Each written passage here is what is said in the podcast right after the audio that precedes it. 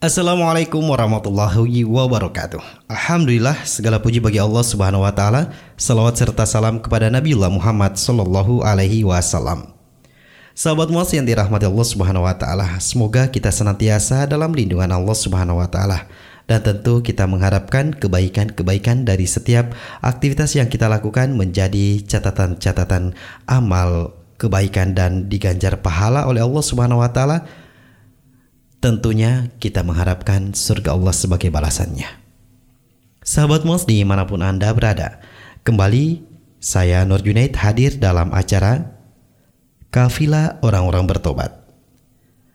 Kafilah Orang Bertobat kali ini menghadirkan kisah untuk kita simak dan mengambil pelajaran di dalamnya, yaitu kebahagiaan.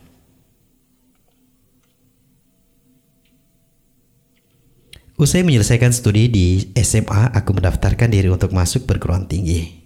Namun ternyata ada yang baru. Ada seorang pemuda yang sedang studi di Amerika mau melamarku. Persetujuan pun terjadi. Aku terpaksa pergi ke negeri asing. Senang sekali rasanya. Aku akan hidup di Amerika. Yang paling membuatku terheran-heran adalah bagaimana bisa secepat ini keluargaku mengalah dan setuju untuk membiarkanku tinggal di negeri asing dalam waktu lama. Terlebih lagi, mereka tidak mengenal lelaki itu sebelumnya. Sementara umurku masih semudah ini. Aku menikmati bulan maduku. Demikian kata orang. Kami menempati sebuah villa indah di Amerika. Hari-hari berlalu dengan manis dan indah aku menyaksikan sebagian besar tempat di Amerika. Suamiku bertekad agar aku menyaksikan segala-galanya, sehingga aku memiliki wawasan tentang segala sesuatu pula. Namun hari-hari yang bersih itu tidak berlangsung lama. Sesuai penilaianku sekarang, kami dulu berada dalam fase puberitas secara mental. Kami sudah memasuki suasana pasang surut dan tarik-menarik dalam kehidupan. Kami sudah meremehkan sholat. Satu-satunya harta yang kami miliki adalah kami harus memiliki wawasan tentang segala sesuatu. Sebagai kelanjutan dari kerenggangan hubungan kami, suamiku menghabiskan sebagian besar waktunya di luar rumah, terutama di waktu malam. Selama bertahun-tahun, kami belum dianugerahi seorang anak. Tampaknya itulah hal yang semakin meluaskan kerengganan kami yang terkadang sampai kepada pinggir jurang kehancuran, kehancuran kehidupan rumah tangga kami. Keadaan seperti ini berlangsung terus-menerus. Ketika kami kembali untuk mengunjungi kampung halaman kami, keluargaku melihat diriku amat lemah dan kurus. Aku pun menetapkan untuk mengadu kepada ibuku dengan segala cara. Dengan bantuan ibu, gambaran hidupku sepenuhnya dikemukakan kepada ayahku. Ayahku memintaku duduk di sisinya. Ia bertanya kepadaku tentang berbagai hal secara mendetail. Kesemuanya seputar persoalan suamiku. Bagaimana sikapnya terhadapku. Dan yang terakhir, sejauh mana komitmennya terhadap agama. Setelah sesaat ayahku memberiku waktu untuk berpikir, kuputuskan untuk minta cerai. Saya mengira urusan akan begitu mudah. Apalagi kami telah berkali-kali sepakat untuk bercerai di Amerika. Namun suamiku menolak cerai kecuali dengan syarat yang banyak. Yang paling mudah adalah mengembalikan mahar secara penuh. Setelah bersih tegang, berakhirlah hari-hari yang menakutkan itu. Dan yang membuat diriku lebih tidak suka adalah berbagai tuntutannya ketika terjadi perceraian. Padahal aku sudah banyak membantunya untuk menyelesaikan studinya. Aku juga sudah membayar banyak dari uang yang kumiliki. Bahkan gajiku secara penuh selama tiga tahun berada di tangannya.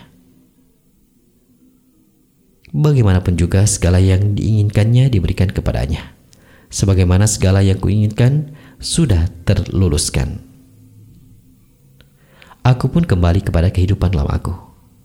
Seolah-olah baru saja berlalu sebuah mimpi atau bayangan yang menakutkan. Seiring dengan dimulainya tahun ajaran baru perguruan tinggi, kukumpulkan semua arsip-arsip dan ijazah lamaku. Aku pun mendaftarkan diri ke perguruan tinggi.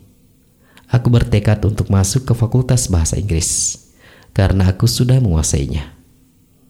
Setelah tinggal lama, bertahun-tahun di negeri asing, sehingga itu menjadi modal bagiku. Namun, takdir menentukan yang lain. Aku bertemu dengan salah seorang temanku ketika di SMA. Setelah mengucapkan salam hangat, kami saling menanyakan kabar masing-masing. Aku memberitahukan bahwa aku sudah membawa semua surat-surat penting untuk mendaftarkan diri di Fakultas Bahasa Inggris.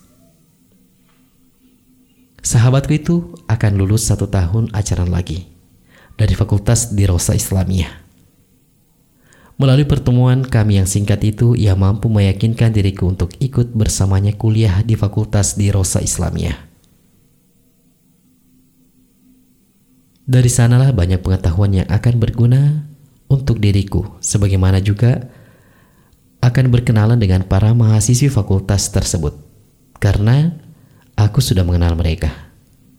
Ada juga berbagai program ekstrakurikuler yang akan disukai, seperti berbagai ceramah dan seminar-seminar. Sisi pelajaran ekstrakurikuler itu yang mengembalikan diriku ke masa remaja karena pada masa itu aku memang menyukai kegiatan-kegiatan semacam ini. Aku bertawakal kepada Allah sebagaimana yang dia katakan kepadaku. Jangan ragu-ragu. Dengan sangat cepat yang tidak aku perkirakan sebelumnya, Aku pun sudah menjadi anggota yang aktif dalam program kuliah tersebut. Aku turut berpartisipasi menyiapkan berbagai seminar dan teman-teman yang sekelompok denganku pun merasa senang. Itulah yang tidak aku dapatkan sejak tiga tahun yang lalu. Kesehatanku kembali pulih, sinar kehidupan kembali menyala pada kedua mataku. Sehingga ibuku dengan sukacita mengatakan, tidak ada lagi waktu kosong untuk dirimu. Aku mulai menyusun skripsi dan mempelajari ulang semua kurikulum pelajaranku. Kadang-kadang aku menyempatkan diri untuk menyampaikan ceramah kepada rekan-rekanku selama 10 menit. Aku kembali memiliki cita-cita yang besar serta tekad yang kuat. Lingkungan yang melingkari diriku membuat diriku tidak lagi melupakan kewajibanku bahkan mendorong diriku untuk melaksanakan berbagai ibadah sunnah. Sholat malam, puasa sunnah, Aku bersyukur kepada Allah yang telah memberiku kemudahan buat diriku untuk memasuki program kuliah ini.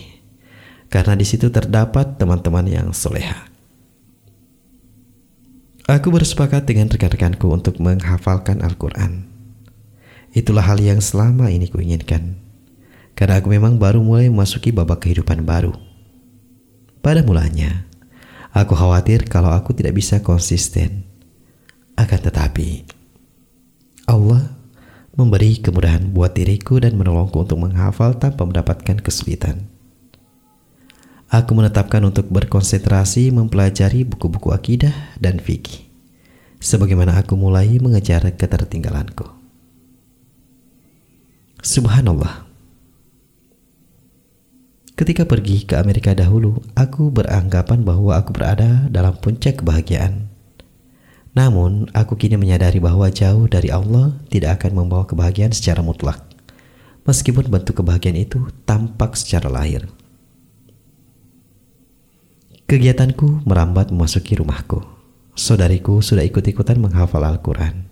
Aku juga menyediakan waktu khusus agar dapat membacakan hal-hal yang bermanfaat untuk ibuku, terutama yang berkaitan dengan hukum-hukum kewanitaan. Alhamdulillah, kaset-kaset Islam di dalam rumah semakin banyak dan bermacam-macam. Setiap kali aku pergi untuk mengunjungi seorang, aku selalu membawa satu paket kaset semacam itu sebagai hadiah. Aku tidak pernah membuat acara yang tidak berguna. Kehidupanku berupa total. Aku kini memandang dunia dengan kacamata baru. Dunia hanyalah tempat persinggahan, bukan tempat yang kekal adanya. Tidak ada yang mengotori kehidupanku yang jernih itu kecuali mantan suamiku yang kembali dari Amerika setelah menyelesaikan studinya di sana. Ibunya datang mengunjungi kami untuk meminta maaf dan melupakan masa lalu. Ia meminta agar aku kembali kepada mantan suamiku tersebut. Aku mencium kepalanya dan menyatakan bahwa aku sudah melupakan masa laluku dan sudah maafkan segala kesalahannya. Dengan harapan bahwa Allah juga akan mengampuni diriku. Namun, aku menolak permintaannya. Meski demikian, aku tetap mengantar wanita itu ketika pergi. Dengan tidak lupa mengirimkan hadiah untuk mantan suamiku berupa satu paket kaset yang menganjurkan bertobat dan berintrospeksi diri. Selain itu, aku juga memberitahukan bahwa aku tidak memiliki waktu selain berkonsentrasi pada studiku. Aku lupa menyebutkan kepada sahabat Muhas bahwa sudah banyak laki-laki yang datang melamarku. Yang paling menarik hatiku di antara mereka adalah saudara salah seorang sahabat wanitaku. Namun aku tetap menolak dan menyatakan bahwa aku sudah berjanji kepada Allah untuk tidak menikah dahulu sebelum aku hafal Al-Quran 100%. Teman-temanku berusaha untuk meyakinkan, namun aku kembali memberitahukan kepadanya bahwa ini adalah akhir tahun pelajaran di perguruan tinggi. Demikian juga merupakan akhir tahun bagi diriku untuk menamatkan hafalan Al-Quran. Ia terdiam dan tidak mampu memberikan tanggapan apa-apa. Usai sudah satu tahun terakhir masa pelajaran, aku berhasil lulus perguruan tinggi. Aku bercita-cita untuk menjadi asisten dosen di perguruan tinggi itu. Namun, takdir menentukan lain. Aku ditugaskan untuk mengajar di sebuah sekolah dekat rumah kami. Maka kegiatan ekstrakurikulerku pun kusertakan.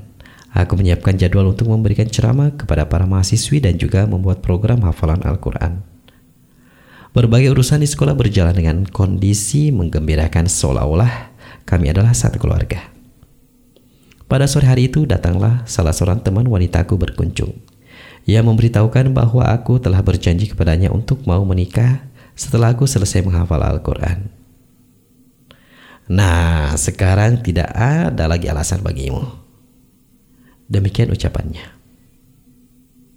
Aku pun setuju semua urusan pernikahan berjalan mulus sesuai dengan tuntunan sunnah. Tidak ada penghamburan harta, pemborosan maupun pesta mewah. Suamiku sungguh laki yang baik sekali. Bagus akhlaknya, bagus agamanya, dan rajin sholat malam.